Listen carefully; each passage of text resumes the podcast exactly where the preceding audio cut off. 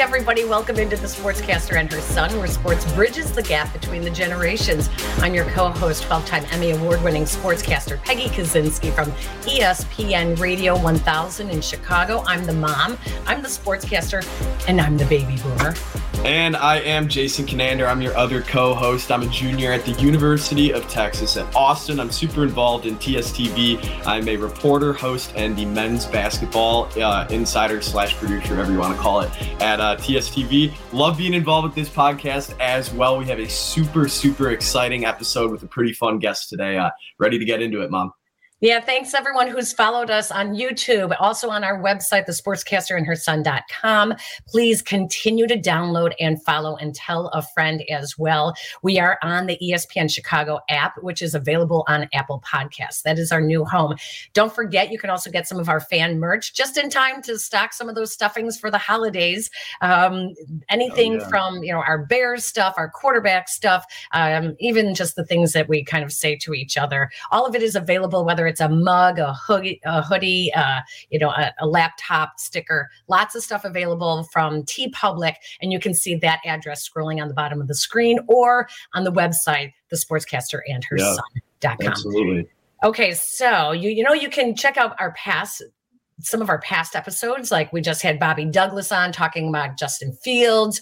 Um, we've done a lot of Bears broadcasts so far this year, but today we are going to switch it a little bit to a little hot stove baseball. And the White Sox have a new manager. Ooh. They started out with a list of 30. They ended up going back to one of the first. 30, that's incredible to me. I find that so hard to believe. I know. I find I know. that so hard to believe. So we want to try to figure out who is Pedro Grifol, right, Jason?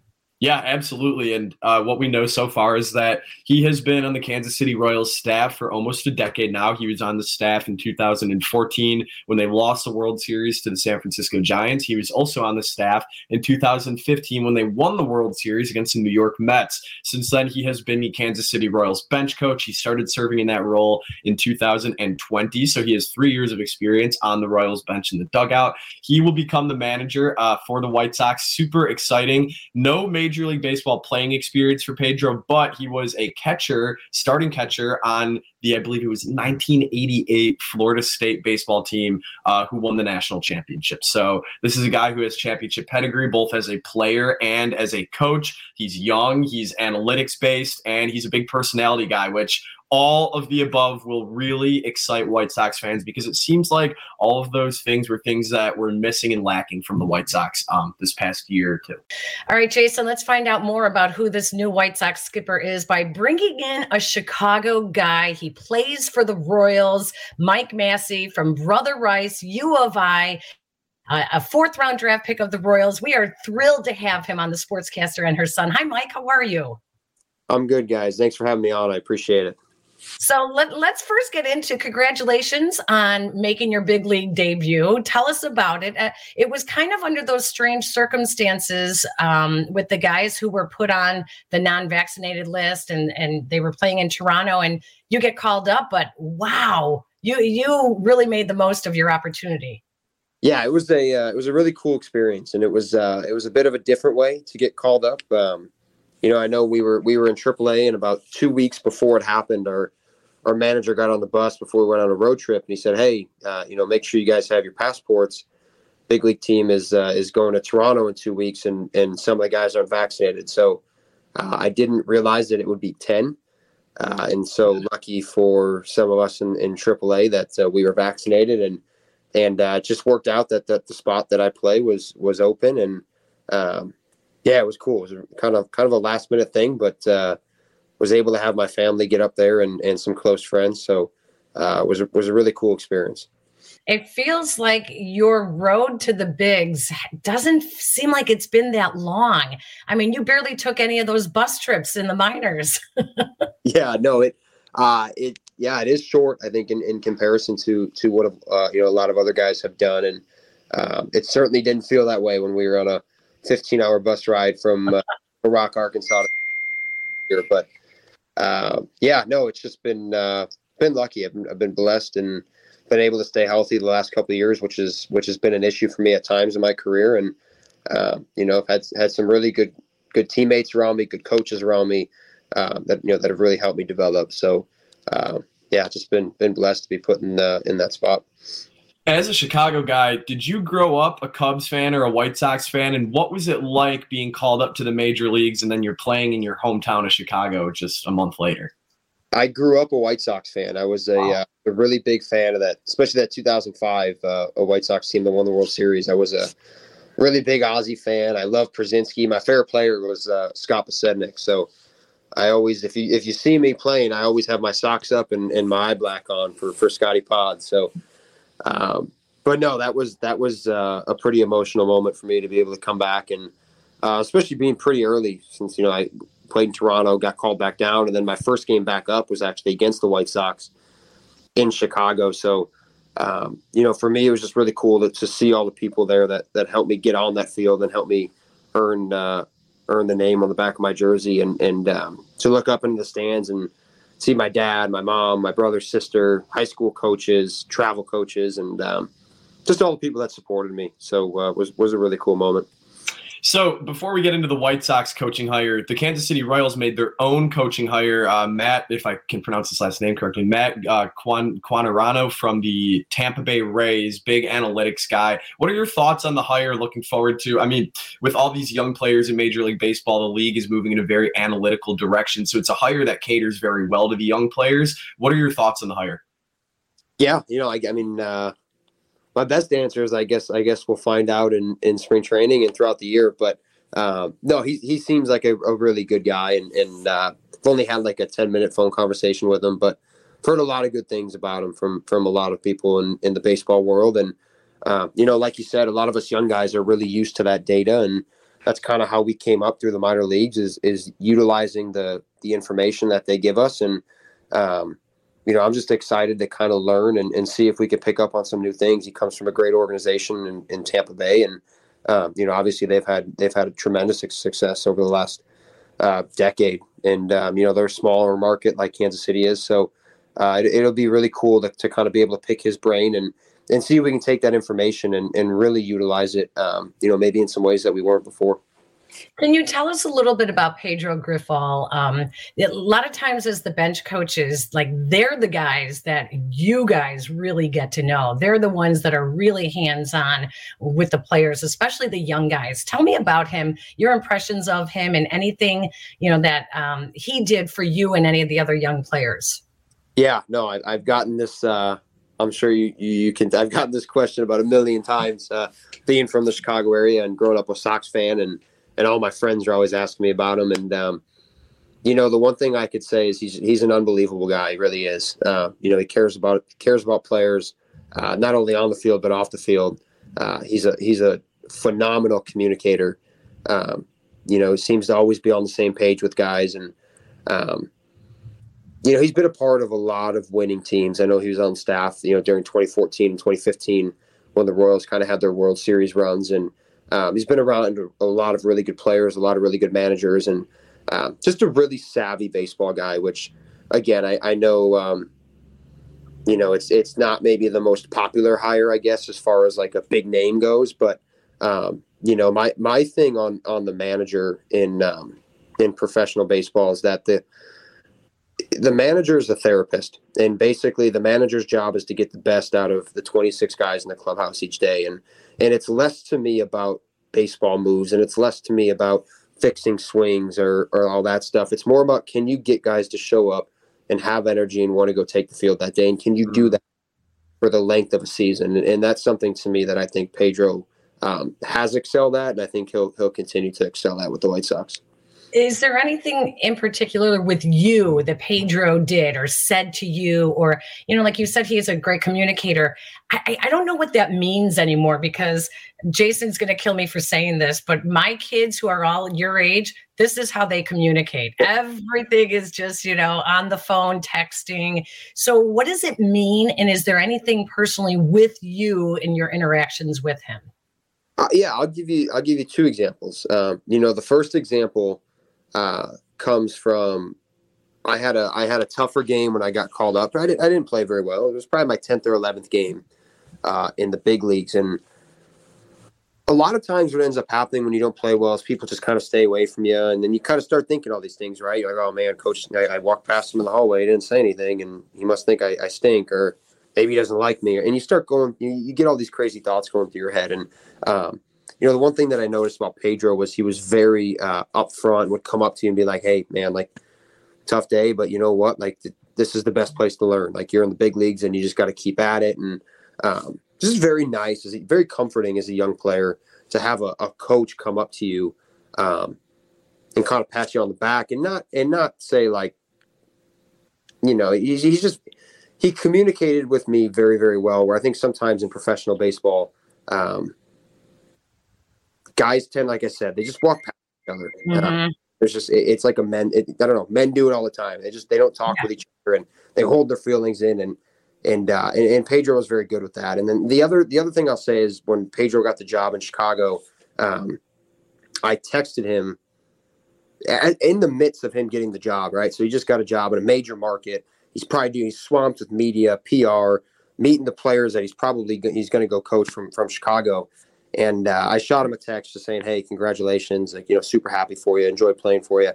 And uh, within ten minutes, I had a text back on my phone, and it was not just a like, hey, thank you. It was a paragraph, wow. a very meaningful paragraph about like, hey, I think you're a great player and all this good stuff. And, and it was um, it was a small thing. It really was. But it, again, it just showed. It, it, it really reemphasized. I'm like, man, I can really see why this guy got this job because he just really cares about players. He goes out of his way to make sure um, that guys are feeling good and and, and they're um, and they're wanted. So um, I, I think he's a he's a slam dunk hire for the White Sox.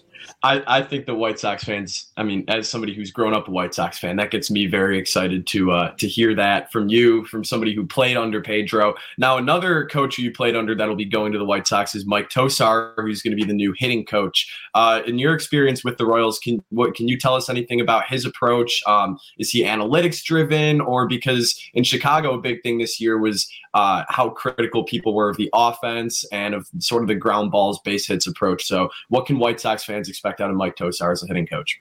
Man, Tos is the man. Uh, he is one of a kind. He really is. He, him and I know him and Pedro go way back. I think they went to high school together, maybe. Uh, and, and so um, they they're certainly very close. And um, Tos is just always willing to work. You know, he, he's a big studier of the game. Uh, you know, constantly picking up new things. Um, I would say, as far as the analytics go, Tos is more of a field guy. I think like Tos was very good about. Uh, I remember um, I was struggling to backspin the ball to right field, my pull side, and I went to Tos and I was asking him for a drill, and he's like, "Visualize it." To start visualizing hitting the ball to right field, the backspin, and I and I'm like, "Dude, you're crazy! Like, what are you talking? Like, there's got to be a drill I can do, right? Something physical." And and eventually I kind of picked up on what he was saying, and I just I started by visualizing it. I started to get that feel of what it would what it feels like, and um, I think that describes Tos in the sense of he just he can uh, he can go a bunch of different ways. He really can. He can work with guys who are super analytical, and he could take that side. He can work with, with guys like me who who are more feel and learn better that way. He can watch video with guys and break it down that way, and um, you know, I, I, don't think a lot of people know, but before Soler had his 50 plus homer season in Kansas City, he worked or he worked a lot with uh, Tosar in the offseason that year. And then, you know, obviously that very next year, Salvy goes out and hits uh, hits 50 something homers and breaks the record for American League catchers. And so, um, you know, Tosar, I think, was very closely linked to both of those seasons. And, um, I, I think again, especially with the amount of um, you know Latin players that the White Sox have, and, and Tos relates really really well um, to those guys, especially. And so um, I think yeah, that's a that's another slam dunk hire for the White Sox. Wow. So between Grifol and, and Tosar, um, the veterans on this White Sox team uh, really did not live up to their potential last year. I, I think everyone around baseball was very surprised at, at the White Sox um, falling below that potential. So what I'm hearing you say is these two guys are going to very much work in tandem. And not only can they work with the young guys, but it sounds like they're, they're going to be able to work with some of the veterans as well and get their respect. Oh, absolutely, absolutely. I mean, you just look at uh, you know, I mean, they both of these guys have been around Salvador Perez for for an extremely long time. And so, um, you know, I think there's a lot of guys like Salvy in that in that White Sox locker room. Um, you know, guys that have been around for for for a long time and, and have some experience. And like you said, there's some young guys over there too who um, obviously I have that experience with Tos and, and with Pedro, and, and, they were nothing but great. So um, very versatile. Uh, again, I, I couldn't uh, couldn't be more excited for for those guys. And uh, you know, I, I, really it stinks for us that uh, that we're not going to get to keep them and, and be around them. That, that's what I wanted to ask really quick. Is this like at all bittersweet for you as somebody who grew up a White Sox fan and you come up to the big leagues and you have two of these coaches who are making an impact in your first role in your first time at the big league team and now they're going off to your childhood team, a division rival. Like what's that like being in the middle of it as a major league baseball player? Yeah, I think it's uh, it's one of my first experiences with just the business. You know, it's there's a lot of turnover and um, you know, I'm, I'm obviously extremely happy for him. But like I said, it, uh, you know, it, it, was, it's nice having those guys in your corner. And, and, and uh, I felt like I didn't learn everything I could uh, from those guys yet. I felt like there was more in there that I could have tapped into and that I was looking forward to tapping into. So, um, again, you know, that's just, that's part of the business. And uh, maybe, uh, maybe when we're in Chicago, I'll, I'll, have to sneak over to the other side and uh, pick, pick a little bit. Hey, Mike, before we let you go, uh, we always uh, uh, read about you, Palos Park guy, blue collar guy. Tell us about your family and what is your Thanksgiving going to be like? oh, man. Uh, well, I, I, yeah, so I grew up in Palos. Um, obviously, my mom, my mom and my dad have been married for 34 years. They're from uh, Oak Forest. Uh, so they went to high school together. I have an older brother who's 27 and an older sister who's 30. So, um, I, I, grew up getting my butt kicked quite often. I lost a lot, and uh, it's it's what I attribute my work ethic to. Though I always uh, I was always the underdog growing up. So um, as far as Thanksgiving, you know what? I'm not a Thanksgiving guy. I, I do not like Thanksgiving wow. food. I know it's a hot take. Wow. I know. I just I don't like it. I'll I'll eat it.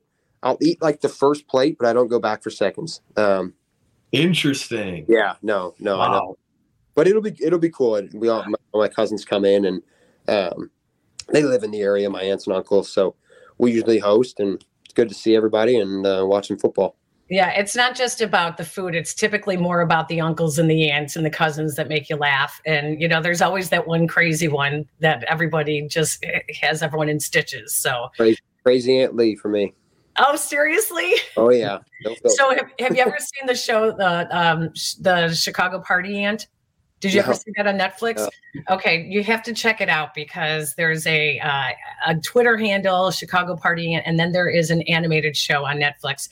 And if you're from Chicago and you do have a crazy aunt, chances are you're going to watch this and think that they basically based it on her. So it's it's an awesome show. It is really fun. Last, before we let you go, you're a Bears fan. What did what do you think about Justin Fields and what the Bears are doing? Oh man! So I was I was just on a uh, I was just on the radio yesterday in Kansas City. I was one my buddy Vinny Pasquantino does a uh, NFL Insider like 10 minute segment for them every Tuesday. And he's been in Italy because he's playing for Team Italy coming up in the World Baseball Classic. So uh, I've been filling in on for him on the radio station. And we were talking about the Bears yesterday and uh, just just how exciting it is that I, I know they're three and seven and um, but to be honest, I don't think any Bears fan cares if they go three and fourteen this year because it looks like they finally have a quarterback. Um, and as we know, it's it's been a long time since they've had a quarterback, and uh, it seems like the new GM Ryan Poles is is making some really really good moves tailored to the offensive side of the football for once. Uh, you know, and they went out and got Claypool and got some draft picks back, and they have cap space coming up. So um, I, I, think they're in a really interesting uh, interesting spot moving forward, and that being said, we've we've seen the Chicago Bears screw it up before. So awesome.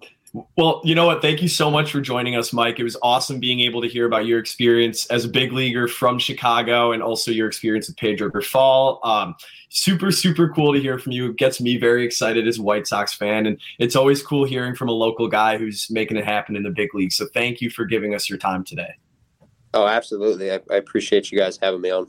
And a brother Rice guy, well, I mean, it's not Ignatius, but we'll let you go. And it's not St. Pat's where my brothers went, but that's okay. It's still a Catholic League guy. Okay. yeah, we we might not be as smart as those guys. Thanks, Mike. Happy Thanksgiving. Thanks, guys. Happy Thanksgiving to you as well. I didn't get to mention that Mike Massey is the highest draft pick in U of I history for baseball. So wow, I did not know that. No, that's mm-hmm. actually not true. That's what? actually not true. Uh, Tyler Jay is the highest draft pick in U of I history. He went sixth overall to the Minnesota Twins uh, I believe it was 2014, the year the White Sox drafted Carson Fulmer. Tyler Jay went two picks ahead, and he was U of I. Yeah. Look at you! Look at you correcting me like that. But that's a good correction because. And Cody Sedlock went ahead of him. He was oh, uh, 32nd overall in 2016. So. Hey, Mike, I'm ready to give you all the kudos. Okay, so I'm just going to give them back to Mike. Uh, Jason, some predictions okay, couple of predictions. Uh, two sports ones, one fun one. As we are uh, nearing Thanksgiving. Oh my gosh, this is just this is super exciting. I, I, love this time of the year because all the sports are going on at once, basically, um, and it's so much fun. So my first prediction: we haven't talked a lot of NBA on the show. Uh, we will eventually. Uh, but I do want to make a Bulls prediction, and that prediction is I think the Bulls are going to miss the playoffs, and I actually think there's a pretty solid chance that this team could sell come the deadline. I'm not really sure what the front office expected to see in the first month of the season, but I mean the team doesn't at all look a step up from last year's team, and last year's team wasn't good enough to compete in the East. So DeMar DeRozan, I, I'm sure he'll stick around. Zach LaVine, he's on a new contract, but he never plays. Lonzo Ball probably won't play this year, so I would look at Patrick Williams, Nikola Vucevic, and Coby White is three names who could absolutely be out the door by February. This is a Bulls team that is, even if they make the playoffs, even if they surpass the play in, I don't expect this team to win their first round playoff series. So I think the moves will start to be um, a little bit more in line with that. Next.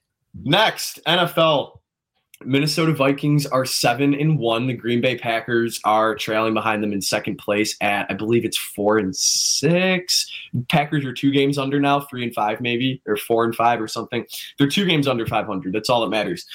This reminds me a lot of a situation that the Bears were in in 2012. It was the first year I watched football. The Bears started out seven and one, and they missed the playoffs. And I don't think the Vikings will miss the playoffs, but I have a pretty crazy prediction here. I really liked what I saw out of Green Bay against Dallas. I really, really liked what I saw in that comeback. Christian Watson. It looks like Aaron Rodgers might have finally found a capable receiver on that roster. I am actually going to predict that the Packers are going to come back and win the NFC North. I I will not believe that the Vikings can win that division until I see it. I, I, just won't believe it until I see it. And I, you look at the wins. The Buffalo win was the best win of the year. I mean, it, it was game of the year, but it's their best win of the year. Uh, okay. Anyway, my third and final prediction. Uh, it's Thanksgiving. I love Thanksgiving. Um, what I don't really always love about Thanksgiving, and uh, this is the first time in a while that we are doing the H word. We're hosting this year, um, and my prediction is, and the worst part about hosting, especially when you're a college student, is like the best part about Thanksgiving break is like sitting around and doing nothing. And I just know that like once I get off that plane on tomorrow, uh, it's gonna be you know a whole lot of helping out, which is fine. I love helping out. I love helping out around the house. Um, but my prediction is that the over under on the cleanup time on Thursday is going to be over three and a half hours, way over three and a half hours. Uh, that's that's my prediction. I think that the cleanup time is going to be ridiculous. I think that we're not at all. We don't know what's coming. We haven't hosted in a while. It's we haven't hosted since I think it was my sophomore year of high school. Uh, it's going to be a disaster afterwards, but it'll be fun, and I'm excited to be home and see the family. The last time we hosted was actually right when we started. First year of our podcast. Yeah. yeah. So I remember three years ago, four years ago. That would be my senior year of high school then. Yeah. Because uh, we started this in April of my junior year. And yeah, I remember being at the table and everyone had listened and they were like, who were you talking about? Like when you said that, like you didn't want to sit, sit by, have like a bad person to sit by. And my, my, uh, my lips will still be closed on that question this year. and we're up to, we have 38 people for dinner. We will have 59 people um, by the time for dessert. So. And it's a lot more people. Like it feels like a lot more people than that. Like when you're actually there, like looking at all the people and like. you know, 50, like 59 people feels like a whole lot more like 159, especially like in the basement and like just I'm it's excited to be fun. home. I'm not excited for the process. I, I just want to get that out there. I'm not excited for the process. I love Thanksgiving. I love family. I love uh, making oh, my brothers and my sister make me laugh. Um, I just I think it's really excited for the dessert this year. I'm yeah. really really excited for the dessert this year. I uh, super quick I was with uh, one of your nephews and one of my cousins, Ben uh, Kaczynski. He's a U of I alumni, so probably knows who Michael Massey is. He was in Austin this past weekend, and he actually told me that there's a Thanksgiving text chain, family-wide Thanksgiving email chain that I am not included on, which it's is incredible. No, stop! It's for it's it's for each household to sign up to make a part of dinner. So I don't, I never in, include the college kids because you guys live here at home. And, but if you live on your own and you're in an apartment, not, not away at college, but you're, you have a job, you're making a living, then well, you uh, get your own, you're on the email as, and you're expected to bring well, something. You know, I, I just wanted a little preview at the Thanksgiving spread. Like I want to, it's, it's hard getting by here trying to, I've, I've really been doing two meals a day and that third meal a day should be like looking at that spreadsheet of everything that I'm going to be eating on oh Thanksgiving oh and just knowing that I'll be full a week from tomorrow. All right, Jason, let's wrap it up. Nobody let's wants to hear about our uh, Thanksgiving dinner anymore. Thank you, everyone who has joined us. Thank you for contributing. Thank you to Mike Massey as well. Uh, I would say what his uh, Twitter handle is, but M Mass Bears 19. Okay, there you go. 19 Bears. And we'll tag we'll tag him. Mass 19 Bears. Um, so you can follow him on Twitter, follow his career with the Royals as well. Former brother Rice guy, U of I baseball player, uh, now with the Royals. So thank you to Mike Massey for joining us. Thank all of you for following us, for listening on the ESPN yeah. Chicago app, available on Apple uh, podcasts and also the, here on the YouTube channel as well if you're watching the video of us. Don't forget there's past episodes. Like I said, we had a lot, we have a lot of past episodes you might be interested in, um, especially if you're a Bears fan, if you're a White Sox fan, uh, we tend to lean in those two directions as well. Um, we had a great episode where we talked about, um, unfortunately, sexual abuse in sports, and that has gotten a lot of traction, as well as one on Title IX, which may be our most viewed episode ever ever. Probably, so, yeah. And yeah, thank thing, you, everyone. One, one thing I want to add really quick, and I'm working on this for the Twitter. I want to I want to implement a way where if y'all, if our listeners or fans have any ideas for episodes, any guests that you would like to see on, any topics that you want to hear us discuss, I'm going to open up a forum where, where y'all can submit ideas because as good as we think our ideas are, y'all are the most important people. Y'all are the consumers, you're the listeners. We want to give you what you want. So easiest way to do that is by hearing directly from you. Keep your eyes open. There will be a way to do that soon. All right. Thank you, everybody. Continue to subscribe and follow us and tell your friends. And I'll work on getting rid of Jason's little southern accent there with y'all. It's not, it's, you know, it's not a southern accent. We got to go. We got to go. Thank you, everybody. We'll talk to you next time. So long. See you soon.